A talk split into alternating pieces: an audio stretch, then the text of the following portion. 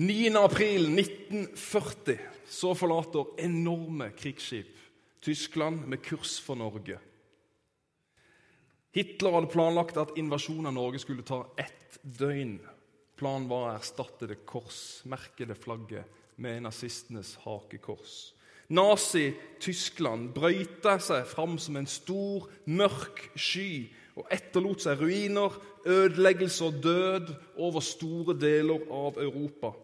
Land etter land ble underlagt nazistenes jernhånd.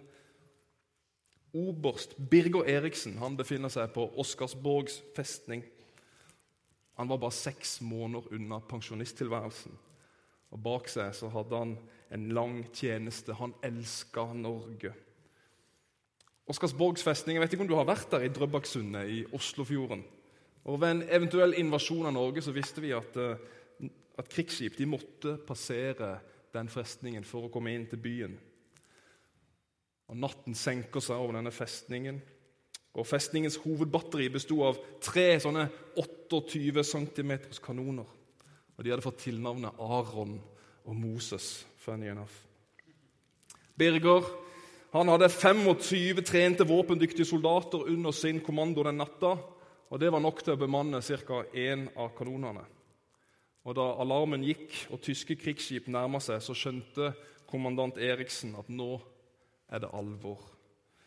Han kaller derfor inn reservene, de som vanligvis skrelte poteter og vaska gulv, og for å bemanne opp flere kanoner. De var nordmenn. Det var nok. Det kvalifiserte de nok for denne oppgaven, mente Eriksen. En stor, mørk skygge glir igjennom fjorden. Den ble først oppdaga av eh, kystfartøy. De skyter varselskudd som raskt blir besvart med kuleregn. En norsk offiser mister livet raskt. Så ble tyskerne oppdaga av en utkikkspost, men de tyske skipene forsvinner i den tjukke tåka. Flere enorme skip fulle av fiendtlige soldater passerer norske hus langs fjorden. Okkupasjonen er et faktum. Danmark falt på ett døgn, som planlagt. Nå var det Norges tur men ikke uten kamp. De 48 år gamle kanonene blir sikta inn mot den ukjente fienden i mørket. Birger han hadde ingen klare ordre fra myndigheter eller fra øverste hold, men han visste at det måtte være fienden som kom. Dunkelyden fra enorme motorene nærmer seg. Mørkets makter reiser seg imot ham. Tusenvis av fiendtlige soldater nærmer seg. Men Birger Eriksen han var fast bestemt på å kjempe for alt det var verdt, alt for sitt kjære Norge. Krysseren Blücher dukker plutselig opp ifra tåkeskyggen. 205 meter langt, 21 meter bredt, 18 000 tonn tungt, utstyrt med moderne kanoner og torpedoer og verdens mest beryktede havstyrker om bord, som hadde myrda seg gjennom store deler av Europa. Her var det David mot Goliat. Birger han tar ansvar. Han klatrer opp på en militær stilling der alle kan se han. Soldatene, soldatene måtte vite at ansvaret var hans. Og Eriksen har venta til de er helt nær, veldig nær. De hadde ikke råd til å bomme. Og De unge nordmennene ser på den enorme fienden. Deretter så ser de på sin kommandant. Selvfølgelig var de redde, men de kunne ikke la frykten styre handlingene sine nå. Denne skjebnesvognen natten. Nasjonens skjebne sto på spill. Så roper Birger Eriksen 'fyr!', og natten blir opplyst av kanonild. Begge kanonene de treffer utrolig nok blink, og det hele fører til en gigantisk eksplosjon. Og det enorme skipet det blir løfta opp én meter av havet, sies det. Som en gigantisk hånd løfter det. Skipet brenner, oljen brenner på havet. Det er døde, det er sårede overalt. Slaget var over på 50 minutter. Og i stillheten som fulgte, så kunne man høre musikk ifra det brennende skipsdekket. Deutschland, Deutschland, über alles. Oberst Birger Eriksens heroiske innsats den forsinka tyskernes invasjon med 30 timer. På den tiden så rekker kongehuset og regjering å flykte. Og gull og andre ting blir gjemt. Dagen etter så er Hitler sint. Festningen blir hardt angrepet av bombefly. Det regner bomber den neste dagen over Birger og kompani. Og Deretter så sender de forhandlere inn for å få de til å overgi seg. Og De roper inn 'Hvor mange som var døde?' Og hvorpå Birger svarer 'Vi har ingen døde, men det ligger en død spurv her'. Og Deretter så stiller han tre krav. Dere får ikke ta fra oss våre våpen. Vi forlater øya som frie menn, og dere får ikke fire det norske flagget. Og Tyskerne de aksepterer kravet. Og Det norske faget vaier stolt på flaggstanga på Oscarsborgs festning. Og en provisorisk mindre flaggstang blir reist ved siden av med det tyske flagget. Det er helt utrolig, men det er sant. Oberst Birger Eriksen risikerte alt da han på egen hånd erklærte krig mot Tyskland. Men det stoppa han ikke. Han tjente fedrelandet sitt for alt det er verdt. Jeg syns det er en sånn sterk historie. Det er, jo, det er, jo, voldelig, det er voldsomt, det er krig. Men en sterk historie om å kjempe for alt det er verdt. Om å tjene noe man er villig til å gi alt for.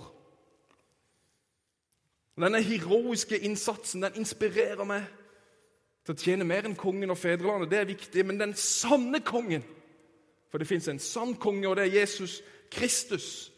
Jeg vil tjene Han for alt det er verdt. For det er nettopp sånn at det er Guds rike vi tjener. Jesus og hans rike vi kjemper for. For Jesus kom med Guds rike. Det var hans hjertesak nummer én, sier mange. Han snakker alltid om det, og han demonstrerer det og opprettelsen av hans rike. Det var hensikten for hans komme, vil noen si. At Jesus han var på krigstukt, han også. Han underviste så vi skulle forstå hvordan vi kunne bli en del av dette riket. Hans mektige gjerninger skulle være bevis på at Guds rike var nær. Lignelsen, altså Lignelsene om, eh, om Guds rike skulle få fram kjennetegnene, innholdet av dette riket. Og når han skulle lære disiplene sine å be, så sier han, 'La ditt rike komme, la din vilje skje på jorden som i himmelen'. Og Til og med den natten han skulle dø, så trøster han disiplene sine med at en dag så skal vi regjere sammen i mitt rike. Så Evangeliet handler ikke bare om at Jesus sonet all verdens synd på korset. Nei, det var jo bare begynnelsen. Det var selve inngangen. Jesus er jo døren. Hans soning av verdens synd muliggjør det som alltid har vært i Guds hjerte, at vi og hele denne skapelsen skal komme under Jesu kongedomme, under Jesu herredømme. At vi alle sammen, du og meg, skulle bli i Kristus, som vi snakka om tidligere i høst. Alt som var på avveier, alt som var okkupert, som var i opprør, skulle sammenfattes i ham. Alt i himmel og på jord. Og For du som kan Efeserbrevet, så hører du at det der er nå. De gode nyhetene er derfor at du var død, du og meg, vi var døde. Vi var bundet av syndens makt, men i frelsen så er vi utvalgt til å være i Kristus. Altså oppreist til et nytt liv som hans medarbeider, som hans sønn og datter, eller som en soldat, som vi sang på søndagsskolen. Det passer ut inn her. Dette riket, Guds rike, det er allerede oppretta, men ennå ikke. Det er sånn teologiske uttrykk. Det er her og nå, men samtidig ikke, for det er ikke fullendt ennå. Vi venter fortsatt på den dagen at riket skal opprettes fullt og helt. Og det skjer når Jesus kommer igjen. Enn så lenge så står vi i denne daglige kampen om å synliggjøre Guds rike i møte med det onde.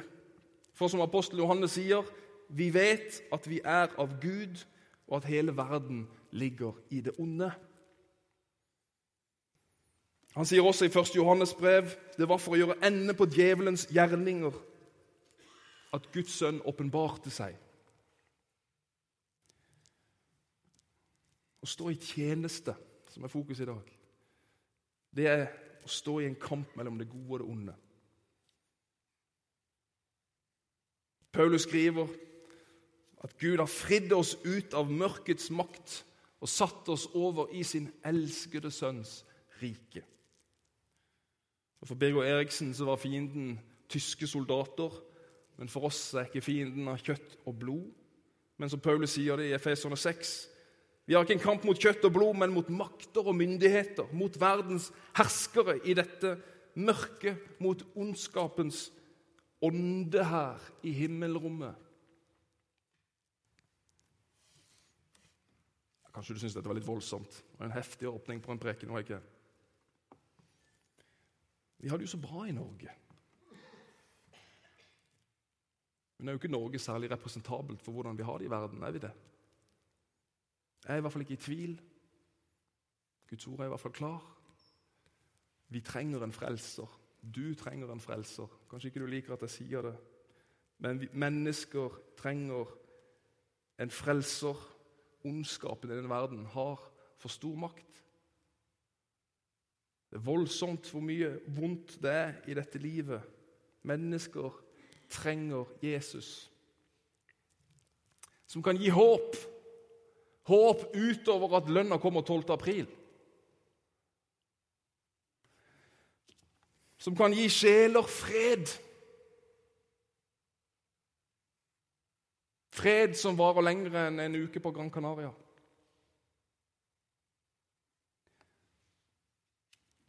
Kropper og sinn som trenger helbredelse, gjenopprettelse. Fanger trenger frihet. Ja, hva fanger? Jo, frihet fra traumer, fra psykoser, fra depresjoner.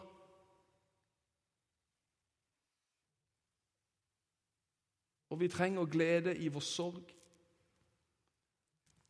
Og for ikke snakke om rettferdighet. Hvor urettferdig denne verden er. Vi trenger rettferdighet. Og Da er altså de gode nyhetene at Guds rike er nær.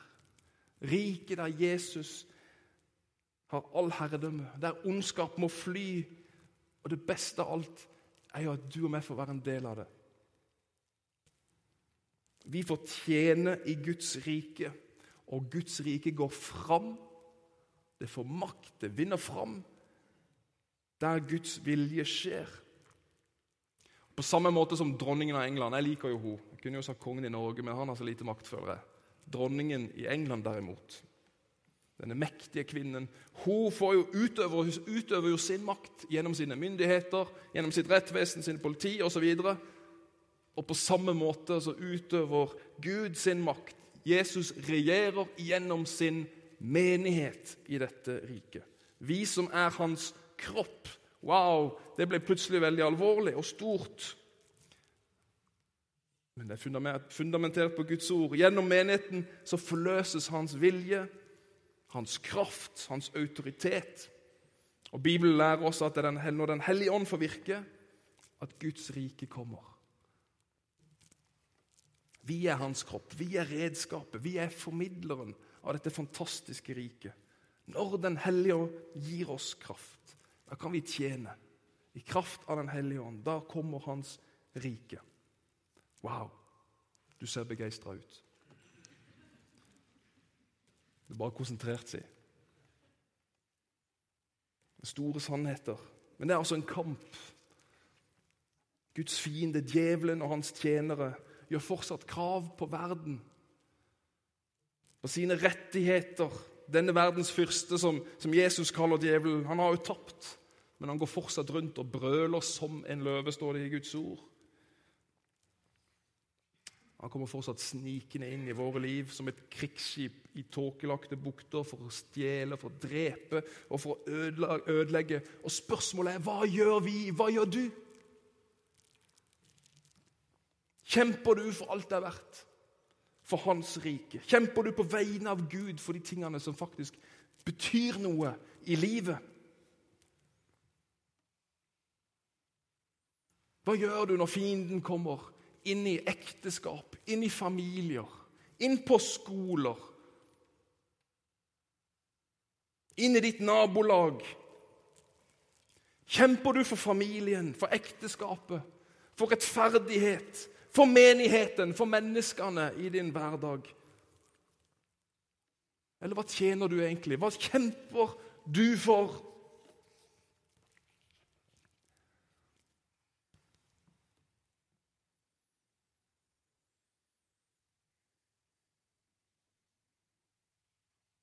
En ting er at vi må forstå Jeg har et par punkter. Det er at vi er utsendt.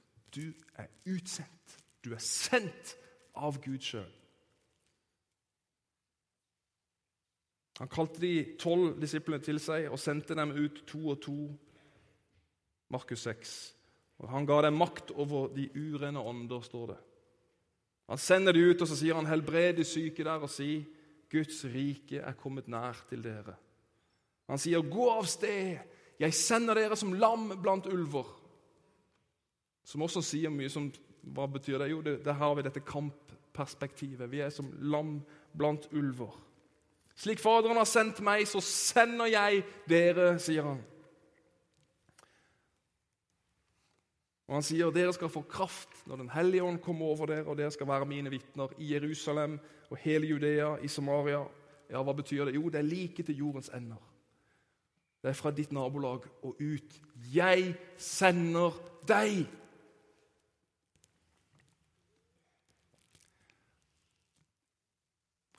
Det fortelles en liten historie om, om eh, en liten gutt som var på, på, et møte sammen med mora si. Og Så hørte de på en tale over temaet 'Hva er en kristen?' Og uh, Hver gang taleren stilte spørsmålet, så slo han med neven i talerstolen for å understreke det han sa. Han er sånn cirka like engasjert som det er. Uh, og Talen var såpass dramatisk i, i, formen at gutten han ble jo litt sånn oppskjørt av dette. Så han hvisker til mora si 'Mamma, vet du det? Vet du hva en kristen er for noe?' 'Ja', sier mora. 'Sitt stille og ti stille', sa hun. Men da pastoren etter, etter, hvert begynte å avrunde talen, så torna han ut enda en gang. 'Hva er en kristen?' Og så slo han hardt i talerstolen. Og Da ble det litt for mye for den lille gutten, så derfor så hopper han opp og så roper han 'Si det til han, mamma! Si det til han!' Gutten hadde visst fått inntrykk av at det å være en kristen det var å sitte ned, sitte stille, ikke si noe. Vet, du, når du tar imot Jesus, når du får det nye livet som han gir oss, så sender han oss ut i tjeneste i sitt rike, og da kan vi ikke sitte stille. Det betyr at ditt liv, din familie, din jobb, dine venner, din omgangskrets, din menighet blir en arena der du kan få tjene Jesus og hans rike. Du har en rolle, du er gitt en oppgave. Det er jo sånn at 99% av de som går i kirke, eller som tilhører kirke, de bruker jo mesteparten av livet sitt på jobb. Aha, de fleste som sitter foran meg, jo, jeg, gjør jo det, eller har jo gjort det. Og så tjener vi i menigheten på fritida. Likevel så har vi en tendens til å tenke at det er de som er ansatt i menigheten, som virkelig er kalt til et liv i tjeneste. Mens du, nei, du er jo bare en rørlegger, nei, jeg er jo bare en sykepleier. vet du. Jeg gjør min tjeneste her i på fritida. Sånn er det ikke. Det er, ikke, det er bare bitte litt av sannheten. Du er sendt av Gud der du er. Hvordan skal mennesker møte Jesus? Hvordan skal mennesker komme i kontakt med dette fantastiske riket om ikke du er sendt? Om ikke du forstår at du er sendt?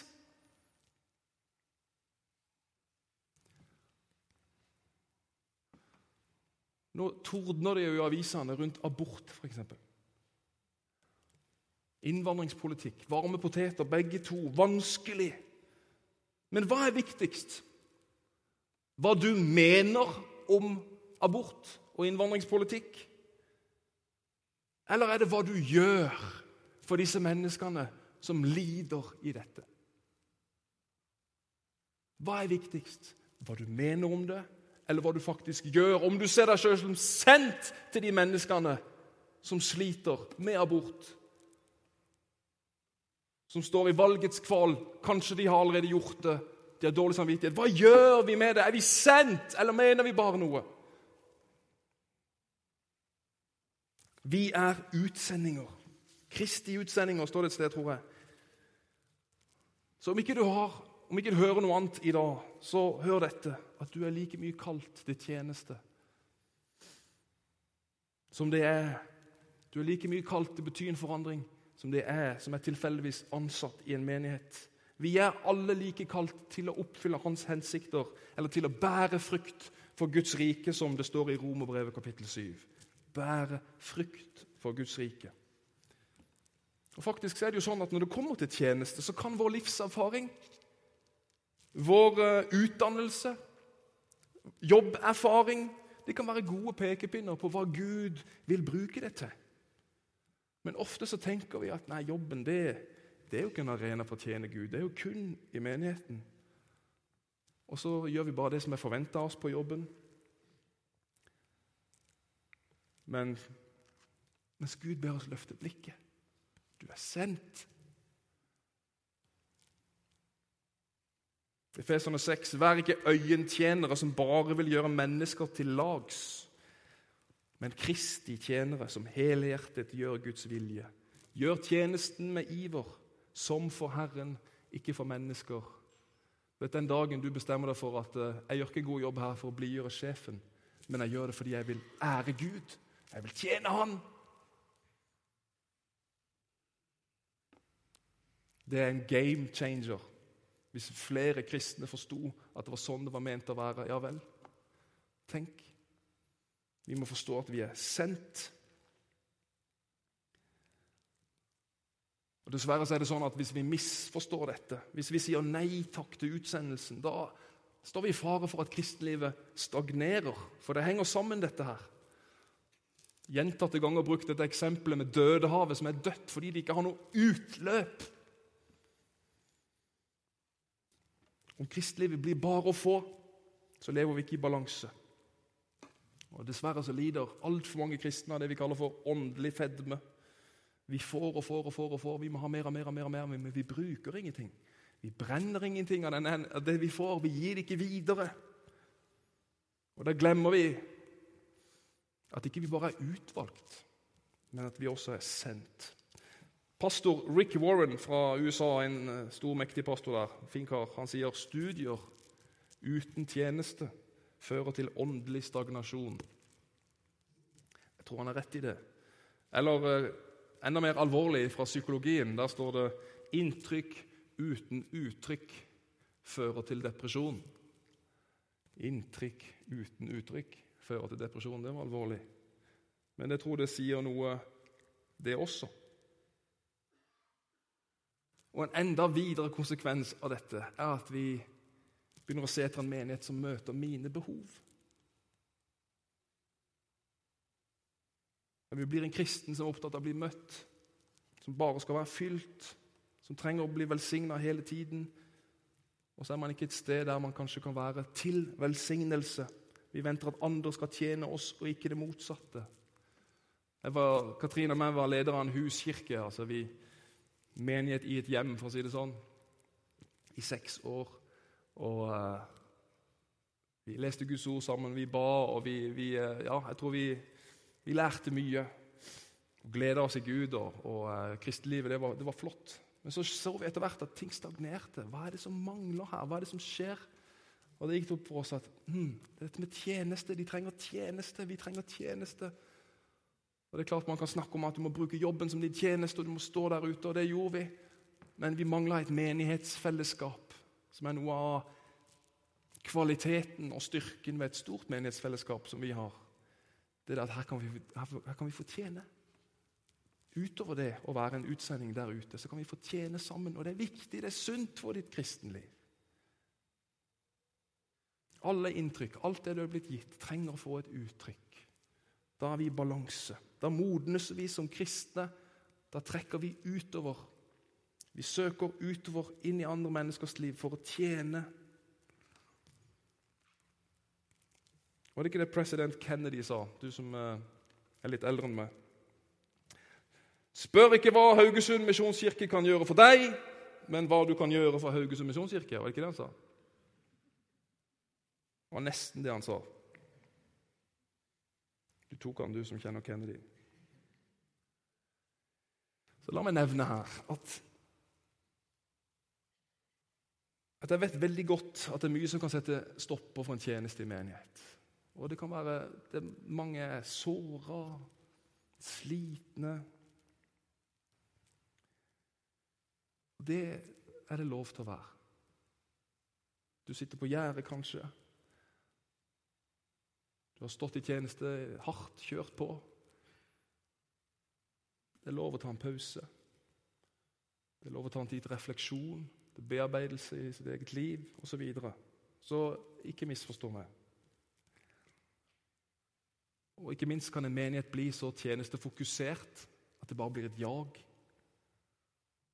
Man blir bare brukt. Det er ikke sant fellesskap. Vi bare løper rundt hverandre. Så Kjetil bak der, han blir teknikeren. Han blir ikke Kjetil. Han, der, eh, han teknikeren, vet du. Det liker jeg lite, når menigheten blir sånn.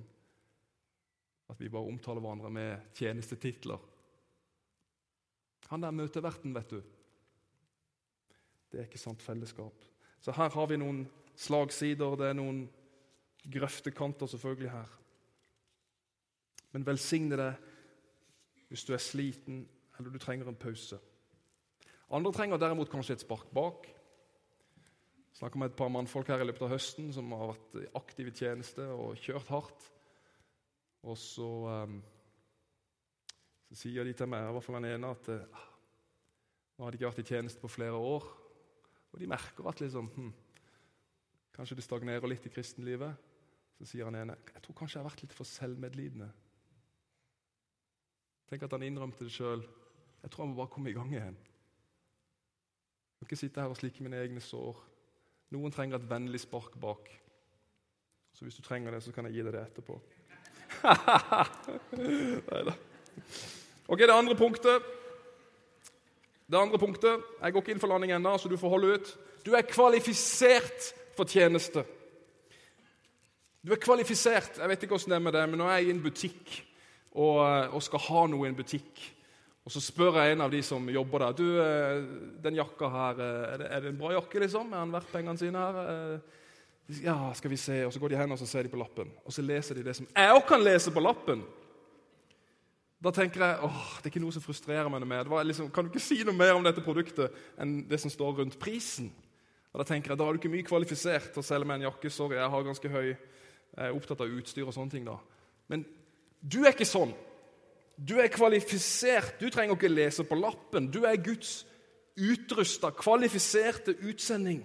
Utrusta med all åndens velsignelse. Wow, står det i Efeserbrevet.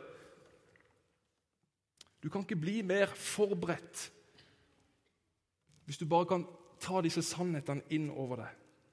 Men mange av oss tenker nei, nei, jeg er ikke kvalifisert. Og som vi har sagt før, Jesus her er jeg, send han. ikke sant? Ikke meg, sier han. Jeg, er, jeg duger ikke, jeg kan vel ikke. Vi har mange menn.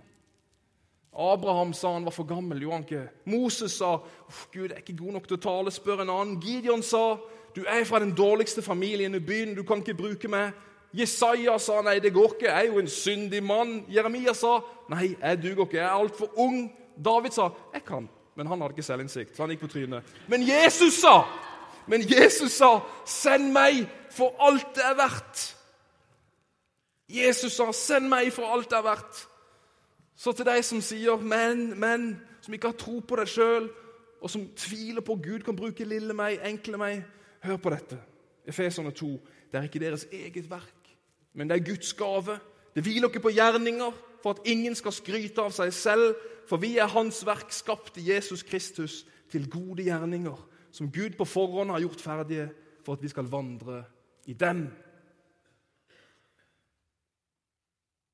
At vi kan brukes til å bringe Guds rike inn i denne verden, det er bare nåde.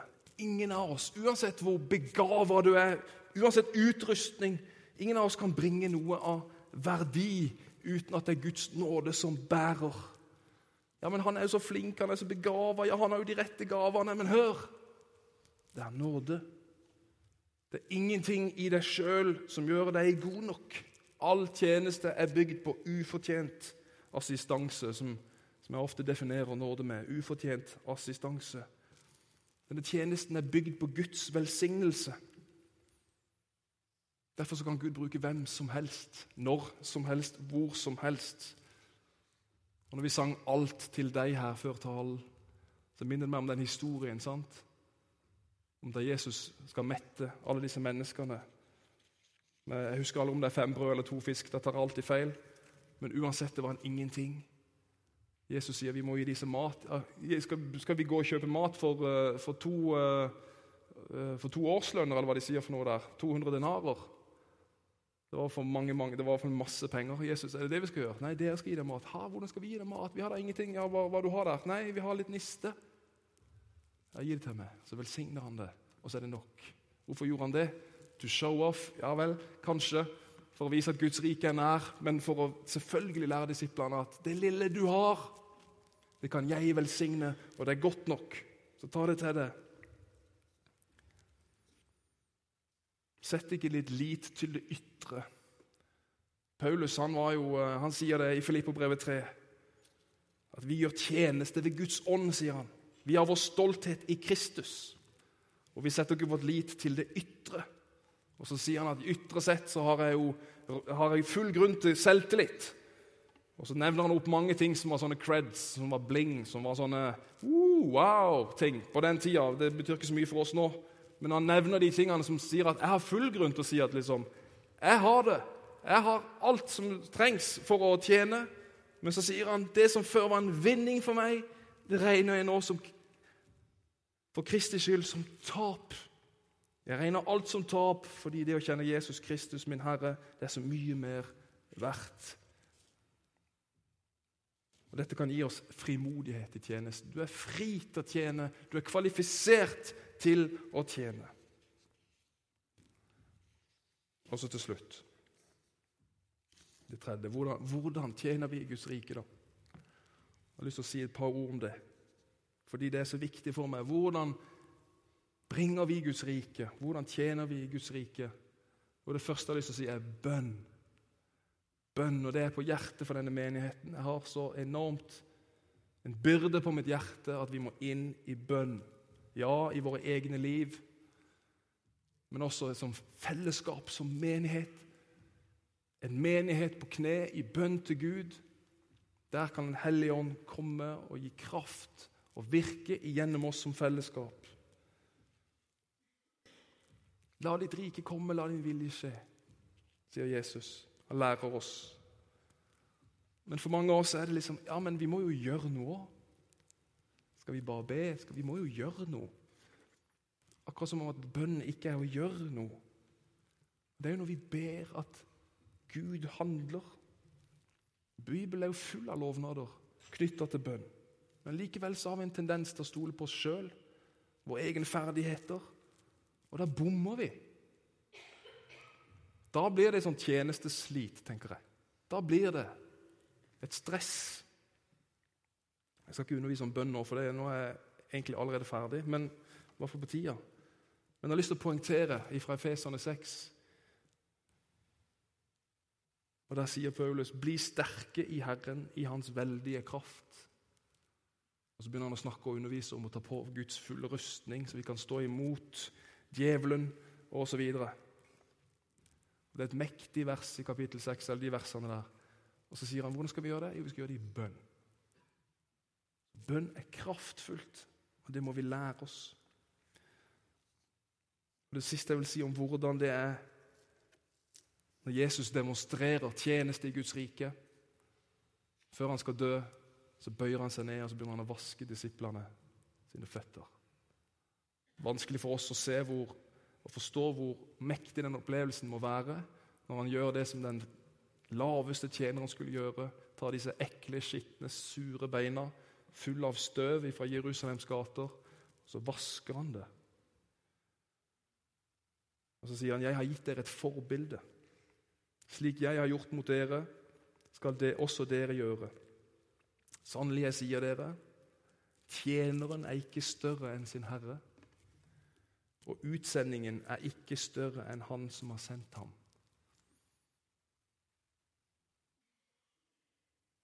Nå vet dere dette. Om dere også gjør det, priser jeg dere lykkelige.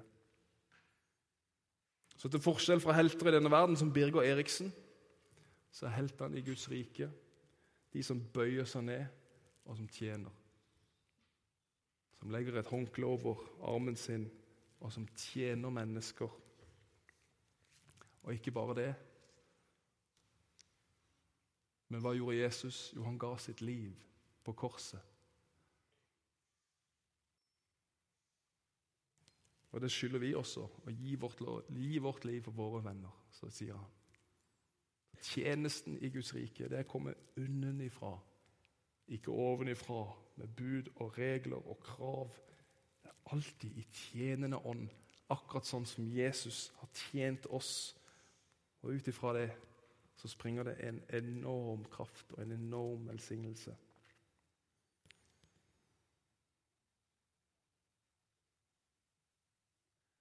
La meg avslutte med et spørsmål som du kan svare på til noen andre. Tjeneste i Guds rike, er det verdt det? Er det verdt alt slitet? Er det verdt alle pengene? Er det verdt all tida? Skal vi be sammen?